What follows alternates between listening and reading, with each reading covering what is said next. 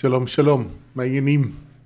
כמו שאתם אה, כבר יודעים מהכותרת, אני הולך לדבר היום על זוגיות, ואני הולך לדבר על החשיבות של שתיקה בתוך זוגיות. בעצם לדבר על אה, האופן שבו אני לומד לחיות בכלל במערכות יחסים, אבל אה, באופן ספציפי בזוגיות, כי זו מערכת היחסים האינטנסיבית ביותר שאנחנו נמצאים בה, ובדרך כלל גם היותר אינטימית. ואני רוצה, אבל לפני שאני נכנס לזה, גם להסביר לכם למה אני בכלל מקליט את הפרק הזה, מאיפה זה בא, כל הרעיון הזה. להקלטה, כן? לא הרעיון ספציפית אה, של התוכן, אלא למה. בימי שלישי אני מלמד אה, קבוצה ש, של, של הדרך שאני עושה הרבה שנים. אני תלמיד של מורה רוחנית בשם ורדה דרור, שאני משער שרובכם יודעים כבר. ואת הדרך הזו שאני לומד, אני גם מלמד בעצמי. ובשיעור האחרון של הקבוצה דיברנו על זוגיות. אחד המשתתפים דיבר על אה, סיטואציה שהוא נמצא בה בתוך הזוגיות שלו, הוא בזוגיות חדשה עם מישהי, והוא מאוד... אה, אה, הוא היה באיזושהי סיטואציה שהיא לא דיברה איתו על משהו שהיא עוברת, ולקח לה איזה כמה ימים להתבשל ולדבר. והוא uh, כעס על העובדה שלקח לה כמה ימים לדבר ולמה היא לא דיברה על זה לפני זה. אז דיברתי איתו, בין השאר דיברתי איתו על הסיבה שבגללה לפעמים צריך לשתוק בתוך זוגיות. ולמה זה חשוב. וכשבאיזשהו שלב בשיחה, אחרי איזה כמה דקות שבהם הסברתי את כל זה, אז אמרו לי שתיים מהמשתתפות בקבוצה שזה מהפכני מה שאני אומר. שבדרך כלל בשיח הטיפולי על נושא של זוגיות מדברים תמיד על כמה זה חשוב לדבר וכמה חשובה שתהיה תקשורת. ולחשוב שלפעמים דווקא זה טוב שלא תהיה תקשורת, הם אמרו לי זה מהפכני, אף אחד לא מדבר ככה. עכשיו, אני לא יודע אם באמת אף אחד לא מדבר ככה, אבל אני מכיר אותן היטב, הן ותיקות בתחום, אז uh, התייחסתי לזה ברצינות מאוד גדולה, ואמרתי לעצמי שאם זה באמת ככה, אני רוצה להקליט את הפרק הזה. ואולי זה יעזור לעוד אנשים שנמצאים באותה תסבוכת. כי מה שראיתי אצלו, ואני רואה את זה לפעמים אצל אנשים, זה שבסיטואציה מהסוג הזה, שאחד מבני הזוג לא מסוגל עדיין לבוא ולדבר על משהו, ויש איזשהו זמן של מרחק, אז מתוך הפחד יש, הצד השני מתחיל להפעיל לחץ או איזשהו מאמץ כדי לגרום שתהיה שיחה. והמאמץ הזה, הלחץ הזה, גורמים לעוד יותר התרחקות והוא יכול, יכול גם לפעמים לגרום למריבה. וזה באיזשהו אה, מובן, זה ניסיון לכפות את הדעה שיש לי על המציאות. כלומר, הדעה אומרת, אני בזוגיות, בזוגיות בשביל שהיא תצליח צריכה להיות תקשורת פתוחה, וכרגע במציאות אין אפשרות לדבר, כי אחד משני בני הזוג עובר משהו והוא לא יכול לדבר עליו. והפער הזה בין הדעה הזו לבין המציאות מעורר הרבה פחד, הוא מעורר פחד לאבד, הוא מעורר איזה אשמה או פחד שמשהו לא בסדר קורה, במיוחד כשמדברים הרבה על כמה חשוב תקשורת, אז אם אין תקשורת אז בטח משהו לא טוב קורה. ובייחוד אם מדובר לא במערכת יחסים חדשה, ראשונה, אז הרבה פעמים אנשים גם סוחבים איתם פצעים ממערכות יחסים קודמות, ובדרך כלל הפצעים קשורים בזה שאנשים לא מדברים על דברים. ו, ואז באיזשהו שלב זה יוצר מרחק ופרידה, או שזה באיזשהו שלב הופך למריבות, ואז פרידה. השילוב של כל הדברים האלה ביחד, הוא שברוב המקרים גורם ללחץ לדבר, לדבר, לדבר. וכן, אני מציין כמובן את הגורמים שאני מזהה, יכול מאוד להיות שיש עוד גורמים. בכל אופן, אני קודם כל רוצה להתחיל ולהגיד שזה נכון, כן, אני לא מתווכח עם ה... העצה הנפוצה ומקובלת ביחס לזוגיות, אני חושב את אותו דבר. זוגיות מאוד מאוד חשוב שתהיה תקשורת. אחת הבעיות או אחת הסיבות העיקריות שאני מזהה שגורמות לאנשים להיפרד זה שהם לא מדברים, וגם אם מדברים, לא מדברים על הכל, לא מדברים עד הסוף, וזה יוצר אה, מרירות, גם סודות, גם מרירות, גם כעס שחבוי בפנים וכאב שחבוי בפנים, ולאט לאט זה מרחיק אנשים, וזה הרבה פעמים מוביל לפרדות בסופו של דבר.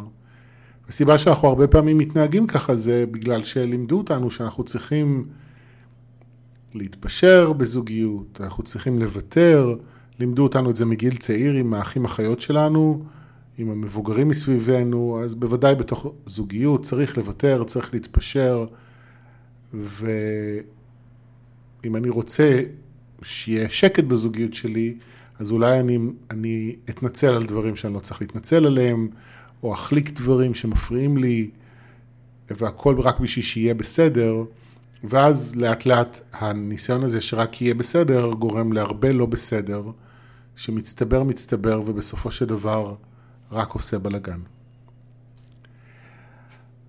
אז אני חושב שחשובה תקשורת, ותקשורת צריכה להילמד. כי תקשורת זוגית זה אמ, בכלל תקשורת. צריך ללמוד לדבר. צריך ללמוד לדבר באני, אוקיי? שאחד הדברים המצחיקים שאני פוגש באנשים והמטרידים והעצובים, זה הכל ביחד כזה. כשאנשים לומדים לדבר באני ואז אומרים אני מרגיש שאתה פוגע בי, אני מרגיש שלך לא אכפת ממני, אני מרגיש שאת מתעלמת ממני, שכן המשפטים האלה זה לא משפטים שמדברים על רגשות. זה שאני מתחיל את המשפט ב"אני מרגיש", זה לא אומר שהמשך המשפט הוא באמת כזה, כי אם אני מרגיש שאת או אתה, אז אני לא באמת מדבר על מה שאני מרגיש, אני מדבר על מה שאני רואה, מה שאני חושב, מה שאני מפרש, אבל אני לא מדבר על מה אני מרגיש. יכול להיות שהבן אדם מתעלם ממני, אבל מה שאני מרגיש זה עצב. מה שאני מרגיש זה כאב. מה שאני מרגיש זה לבד, אבל זה לא יותר מזה. זה רק דוגמה אחת לסוג הבעיות בתקשורת שיש. דוגמה נוספת היא שאנשים כמובן לא מקשיבים. יש את ההדיפה הקלאסית, אבל גם אתה, אבל גם את, ואין הקשבה. עכשיו, לא תמיד יכולה להיות באותו רגע הקשבה, לפעמים גם צריך לריב בזוגיות, זה בסדר להוציא כעס, אבל אנשים לא יודעים באמת, במרבית המקרים לא יודעים באמת באיזשהו שלב לעצור ולהגיד אוקיי. עכשיו אחרי שכעסתי והתגוננתי או האשמתי, אני רוצה לשבת עם עצמי ולראות מה בן או בת זוג שלי אומרים עליי. למה הם אומרים לי את זה? אם זה בן אדם שאני אוהב אותו ואני בוחר לחיות איתו את חיי, ואני סומך עליו מספיק בשביל להכניס אותו לתוך החיים הכי אינטימיים שלי, אם הוא אומר עליי משהו, יכול להיות שזה נכון, הרי לא יכול להיות שהבן אדם הזה טיפש מוחלט, כי אם הוא טיפש מוחלט, אז מה לעזאזל אני עושה איתו? אז אולי כדאי להיפרד מהבן אדם שאני מבטל את הדעות שלו כל הזמן, נגיד. אבל אם אני מעריך את הבן אדם, אז אני רוצה לשמוע ולהגיד, אוקיי, מה יש לבן אדם הזה להגיד לי? מה הוא רואה בי? מה הוא מזהה? אולי יש לי מה ללמוד מזה. אולי יש משהו על עצמי שאני לא רואה. זה משהו שהרבה אנשים קשה להם עם האפשרות שהם לא רואים נכון, שיש להם טעויות להודות בהם, או אפילו לא טעויות, כמו פשוט משהו ללמוד, ואז אה, יש התגוננות, אבל היא נשארת ברובד ההתגוננות. אין באמת באיזשהו שלב את ההשוואה הזו והלמידה וההתפתחות מתוך זה. זו דוגמה נוספת לבעיה. דוגמה שלישית זה שאנשים לא יודעים לעבוד עם חוק ההשתקפויות. שבעצם כל מה שאני מזהה בבן אדם האחר גם קיים בתוכי. אז הרבה פעמים המריבות הן, אני לא מאמין שעשית כזה דבר, אני בחיים לא הייתי עושה לך את זה. למשל, אנחנו נוקטים בעמדה צדקנית, מרוחקת, מתנשאת, שאני לא הייתי עושה כזה דבר. ותדעו לכם שהדרך הכי טובה לדעת שאני דומה למישהו, זה כשאני אומר עליו, אני בחיים לא הייתי עושה כזה דבר. עכשיו, זה יכול להיות שאני בחיים לא הייתי מתנהג ככה לבן זוג שלי, אבל אני כן מתנהג ככה בעבודה, או אני כן מתנהג ככה לילדים. אז חוק ההשתקפויות הוא מאוד מאוד uh, tricky, ואני מדבר עליו ככל שאני יכול, אני לא אכנס עם זה יותר מדי לעומק, אבל אני רק אגיד שכשבוחנים את ההשתקפות שלי, את, ה, את מה שאני רואה באדם אחר, איפה זה קיים בי, אני צריך לבחון את זה מכל מיני היבטים. Uh, אני לא בהכרח אהיה דומה לו באותה מידה, באותה עוצמה או באותו תחום. אבל האנשים האחרים בחיי תמיד ישקפו חלקים בתוכי, תמיד, ללא יוצא מן הכלל.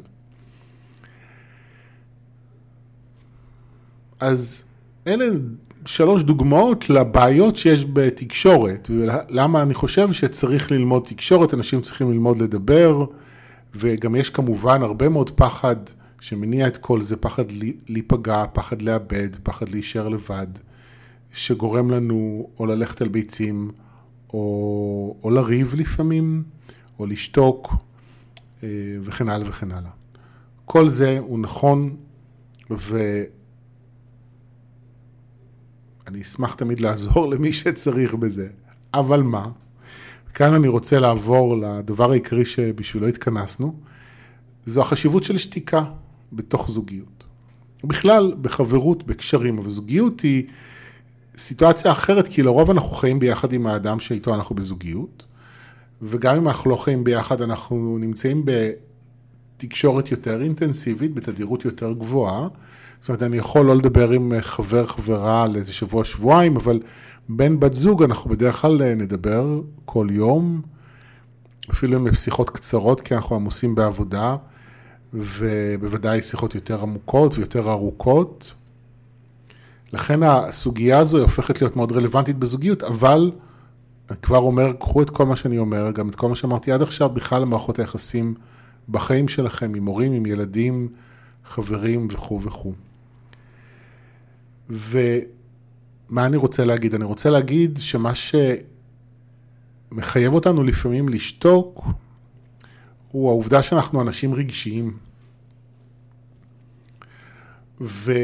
לרגשות יש, אה, איך אני אגדיר את עצמי, הם מתנהלים אחרת מהשכל שלנו, אוקיי? בשכל אני יכול להבין ואני יכול להבין דברים מהר, אבל הרגש מתנהל יותר לאט, ברגע שאנחנו משתנים יותר, יותר לאט, לקח לנו זמן להבשיל אה, לפני שנוכל להשתנות. אז נגיד אני מבין שיש משהו שאני רוצה לדבר עליו עם בן הזוג שלי.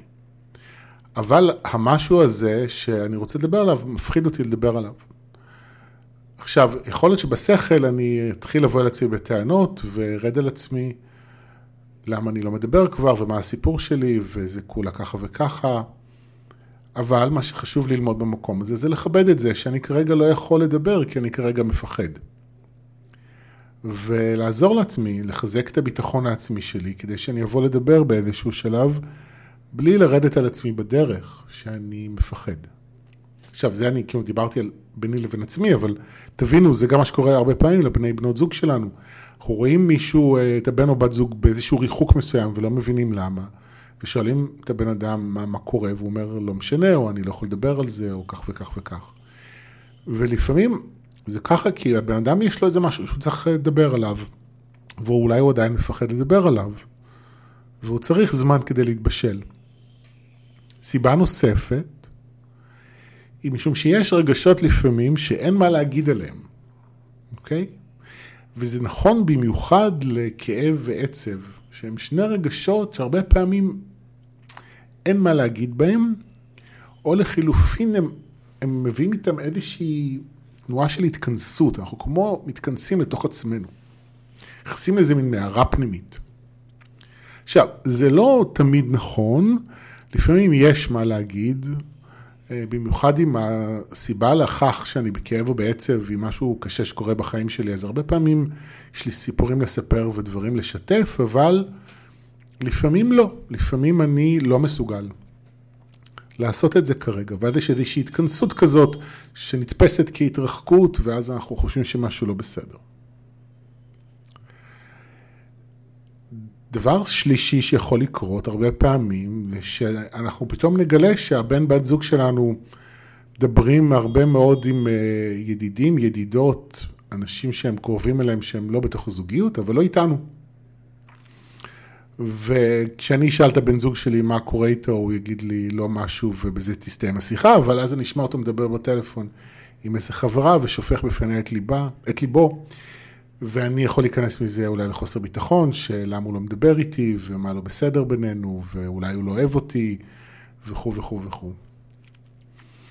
והסיבה שזה קורה לפעמים, היא משום שלפעמים יותר קל לדבר עם מישהו שהוא לא כל כך קרוב אליי. מישהו שהוא פחות בהזדהות. כי הרבה פעמים מה קורה, אני רואה את זה על עצמי בתוך הזוגיות שלי, שי הבן זוג שלי יכול לבוא ולספר לי משהו, ואני ישר נבהל ומזדהה ומפחד לאבד אותו, מפחד שמשהו רע יקרה, ואז אני ישר קופץ עם עצות, או משהו שכדאי לו לעשות, או כדאי לו להבין, או כדאי לו לראות. ואני לא שם לב שמשהו אולי צריך באותו רגע, אז uh, פשוט אוזן קשבת, ושמישהו יחזיק לו את היד, ולא לעשות כרגע שיחת מודעות, או לחשוב משהו פרקטי. זאת אומרת, וזו רק דוגמה אחת למה ההזדהות והקרבה יכולים לגרום בסיטואציות כאלה. באופן כללי אני אגיד שמה שהן יכולות לגרום זה שאני לא אראה נכון את הבן אדם, ואני לא אתן לו את מה שהוא צריך, ובן אדם שהוא מחוץ לזוגיות, יכול לתת לו את זה. אני מכיר את זה מעצמי בזוגיות שלי, שלפעמים שי בא ומדבר איתי ואני מרגיש ויודע שאם הוא לא היה בן זוג שלי והוא פשוט היה חבר רגיל, אז היה לי מה להגיד לו, והייתי יכול לעזור לו, וממש מרגיש איך הפחד לאבד משבש לי את החשיבה, את שדה הראייה, ואני לפעמים נשאר בלי מילים ולא יודע מה להציע לו. אז אני פשוט למדתי להגיד לו, דבר עם מישהו שיכול לעזור, כי אני לא מצליח לחשוב נכון. לפעמים, לא תמיד אני מזהה את זה, כמובן, אבל אני לומד את זה לאט לאט. ואני לומד את זה כי אני מבין שזה לא בגלל שיש אצלי איזושהי בעיה שבגללה אני לא יכול לעזור לו, זה לא בגלל שיש אצלו או בינינו איזושהי בעיה, אלא בגלל שזה לפעמים מה שקורה בקרבה. דווקא הקרבה באופן פרדוקסלי מייצרת ריחוק, סוג של, פרדוקס שכזה. אנחנו נהיים יותר רחוקים, דווקא בגלל שאנחנו יותר קרובים אחד לשני, או אחד לשנייה, או אחת לשנייה. או אחד לאחד לאחד, קיצור, סליחה, כל הפוליאמורים, אני לא רוצה להעליב אף אחד, אבל... אמ, אז אתם מבינים? אז זה יכול להיות בגלל שיש פחד לאבד, זה יכול להיות בגלל שבן אדם עובר משהו והוא לא מסוגל עדיין לדבר עליו, ולפעמים זה בגלל שפשוט קשה להביא את זה לתוך הזוגיות, וכרגע יותר קל לדבר עם מישהו מחוץ לזוגיות. יש שלוש סיבות מאוד נפוצות שיכולות לגרום לזה. וזה מאוד חשוב שאנחנו נלמד לכבד את זה. שלפעמים צריכה להיות התרחקות, ולפעמים אי אפשר לדבר, ולפעמים לא צריך לדבר, ולפעמים זה בסדר פשוט לשבת ולראות טלוויזיה ביחד. זה לא אומר שיש בעיה בזוגיות. זה אומר שכרגע זה התמיכה והקרבה שאנחנו צריכים ומסוגלים להיות בה, ביחד. עכשיו, כמו כל דבר, צריך לשים לב שזה לא חוזר על עצמו וזה עקבי וזה כל הזמן. זאת אומרת, אם אף פעם אין שיחות, ואם כל מה שאנחנו מסוגלים להיות בו זה לראות טלוויזיה ביחד, אז יש בעיה בתקשורת. אבל אם אני מנסה כל הזמן ליצור שיחה, זה גם בעיה בתקשורת. בעיה בהבנה לגבי איך תקשורת אמורה להתנהל. הסוד הוא בסופו של דבר, כמו תמיד בחיים, זה איזושהי גמישות שמאפשרת לי לנוע בין מצבים. לפעמים לשתוק, לפעמים לדבר, לפעמים להתרחק, לפעמים להתקרב. תחשבו על זה, הטבע עובד בגאות ושפל, זה גם משפיע על הגוף שלנו. הכל יש מחזוריות של יום ולילה. וככה גם המערכות יחסים שלנו אמורות להיות. לפעמים יותר פתוחים, לפעמים יותר סגורים, גם עם עצמנו, ובוודאי עם האנשים שאנחנו חיים איתם. וזה לא אומר שיש בעיה. עכשיו, שוב, אם לא מדברים אף פעם זו בעיה.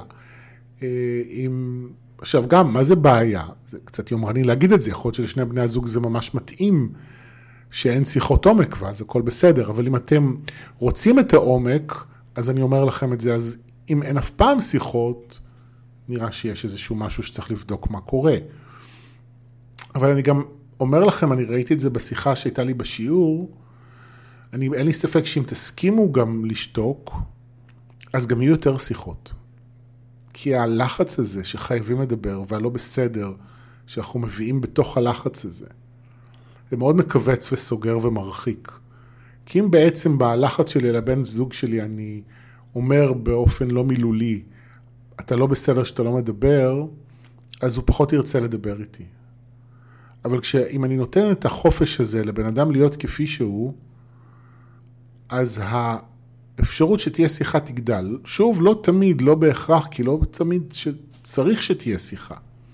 אבל זה יאפשר לשיחות להתקיים יותר בנינוחות, ואז הן גם יכולות להיות יותר עמוקות, והן יכולות להיות בתזמון הנכון, בלי שזה ילווה במאבק, אלא שזה פשוט ייווצר מתוך עצמו.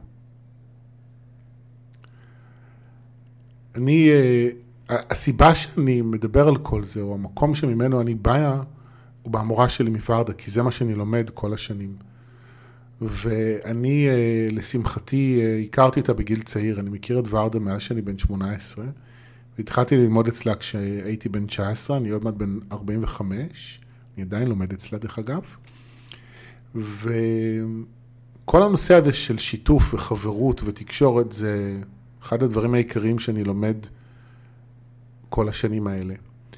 ואני יודע שזה מתנהל אחרת. זאת אומרת, אני כאילו יודע את זה, אבל גם לא, כי עובדה שהייתי מופתע בשיעור האחרון, שחשבתי שזה אלמנטרי, שלפעמים אי אפשר לדבר, ושכחתי שאני קצת חי בבועה, כי בעצם את כל החיים הבוגרים שלי, ובוודאי את כל המערכות יחסים הרומנטיות שהיו לי, היו לי בעודי במסע רוחני. אז זה לא שאני תמיד יודע ליישם את מה שאני אומר כאן מאוד בבהירות, כן? אני לומד את זה בעצמי, זה לא פשוט. היו לי מעצמי את המצבים האלה שבהם ניסיתי ללחוץ, ליצור תקשורת בזמן שהיא לא הייתה יכולה להתקיים. זה לא שהכל בסדר אצלי, אבל אני מבין שזה חשוב לכבד את זה, ואת זה אני מלמד את עצמי. זאת אומרת, אין לי יחסית בראש, בטח לא בשנים האחרונות, את המחשבה הזו ש... שאם אנחנו שותקים אז יש משהו לא בסדר. זה לא הסיפור. אני כן זוכר תקופה שחשבתי על זה שחסרות לי שיחות יותר עמוקות, וזה באמת התפתח באיזשהו שלב, כי היה איזשהו מחסום באינטימיות שלנו שהיינו צריכים לחצות, אני בוודאי הייתי צריך לחצות אותו, וזה, וזה קורה עם הזמן, ואנחנו נכנסים ליותר עומק. זאת אומרת, יש, שוב, התנועה היא לכאן ולכאן, ובדרך יש דפוסים לטפל בהם, ויש את הכל. אבל זה מאוד חשוב שיהיה את הביחד ולחוד, זה ה... זאת הפואנטה, זו הדרך של ורדה להגדיר בפשטות ובגאוניות את, הפו... את כל הסיפור כולו. זה לחיות ביחד ולחוד. זה לא כל הזמן ביחד, אבל זה גם לא כל הזמן לחוד, אלא יש את המרחב לכל אחד להיות מי שהוא, ומתוך זה אנחנו יוצרים שיתוף. עכשיו שתבינו, זה נכון לכל סוגי השיתוף. וזה נכון לכל החברויות שיכולות אה, להיות לנו בחיים, אבל בזוגיות זה עוד יותר חזק. זה מין ריקוד כזה. כל אחד יש את העולם שלו, את התחביבים שלו, חברים, ויש את החיבור ואת הביחד, ואת הדברים ששנינו אוהבים, ומה שמחבר אותנו. ואז זה גם גם בשיחות אותו דבר. אז זהו, אז אני, כאילו, אתם יודעים, אני מסתכל על ה... אני מדבר איתכם בכנות, ככל שאני יודע. אני מסתכל על ה... אמ, על המד של הזמן, ובעיקרון אני אמור לדבר עוד איזה כמעט שש דקות בשביל להשלים שלושים דקות של פרק, אבל אני לא יודע איך אני הולך לעשות את זה. אז יכול להיות שאני הולך לסיים יותר מוקדם, ואתם יודעים מה אני אעשה? אני אגיד לכם מה אני אעשה. אנחנו נשתוק ביחד. כי באמת אין מה להגיד. ואני פתאום חושב על זה שזה באמת מה שקורה לי ברגעים אלו איתכם, קורה לפעמים בזוגיות. יש לי דעה שאני חייב לדבר 30 דקות, ופתאום נגמרות המילים. אז אולי בואו לא נדבר. עכשיו כשאני אומר את זה, אני רוצה להגיד את הדבר הבא. תראו, כשאתם נותנים מרחב לבן בת זוג שלכם להיות רחוק, להיות בשתיקה, או אולי לדבר עם מישהו אחר, תשימו לב מה אתם מרגישים, מה זה עושה לכם. זה הדרך לעבוד עם כל הרעיון הזה שאני פורס בפניכם. מה אתם מרגישים כשאתם רואים את הבן בת זוג שלכם ככה? בייחוד כשאתם רואים שאתם מנסים ללחוץ שתהיה תקשורת, תעצרו את האוטומט הזה של הלחץ ותחזרו לעצמכם ותשאלו את עצמכם מה אני מרגיש, מה אני מרגישה, מה, מה עובר עליי עכשיו. וזהו, ותהיו בזה. זאת אומרת, תחזרו ליצור תקשורת פנימית, במקום ללחוץ ליצור תקשורת חיצונית.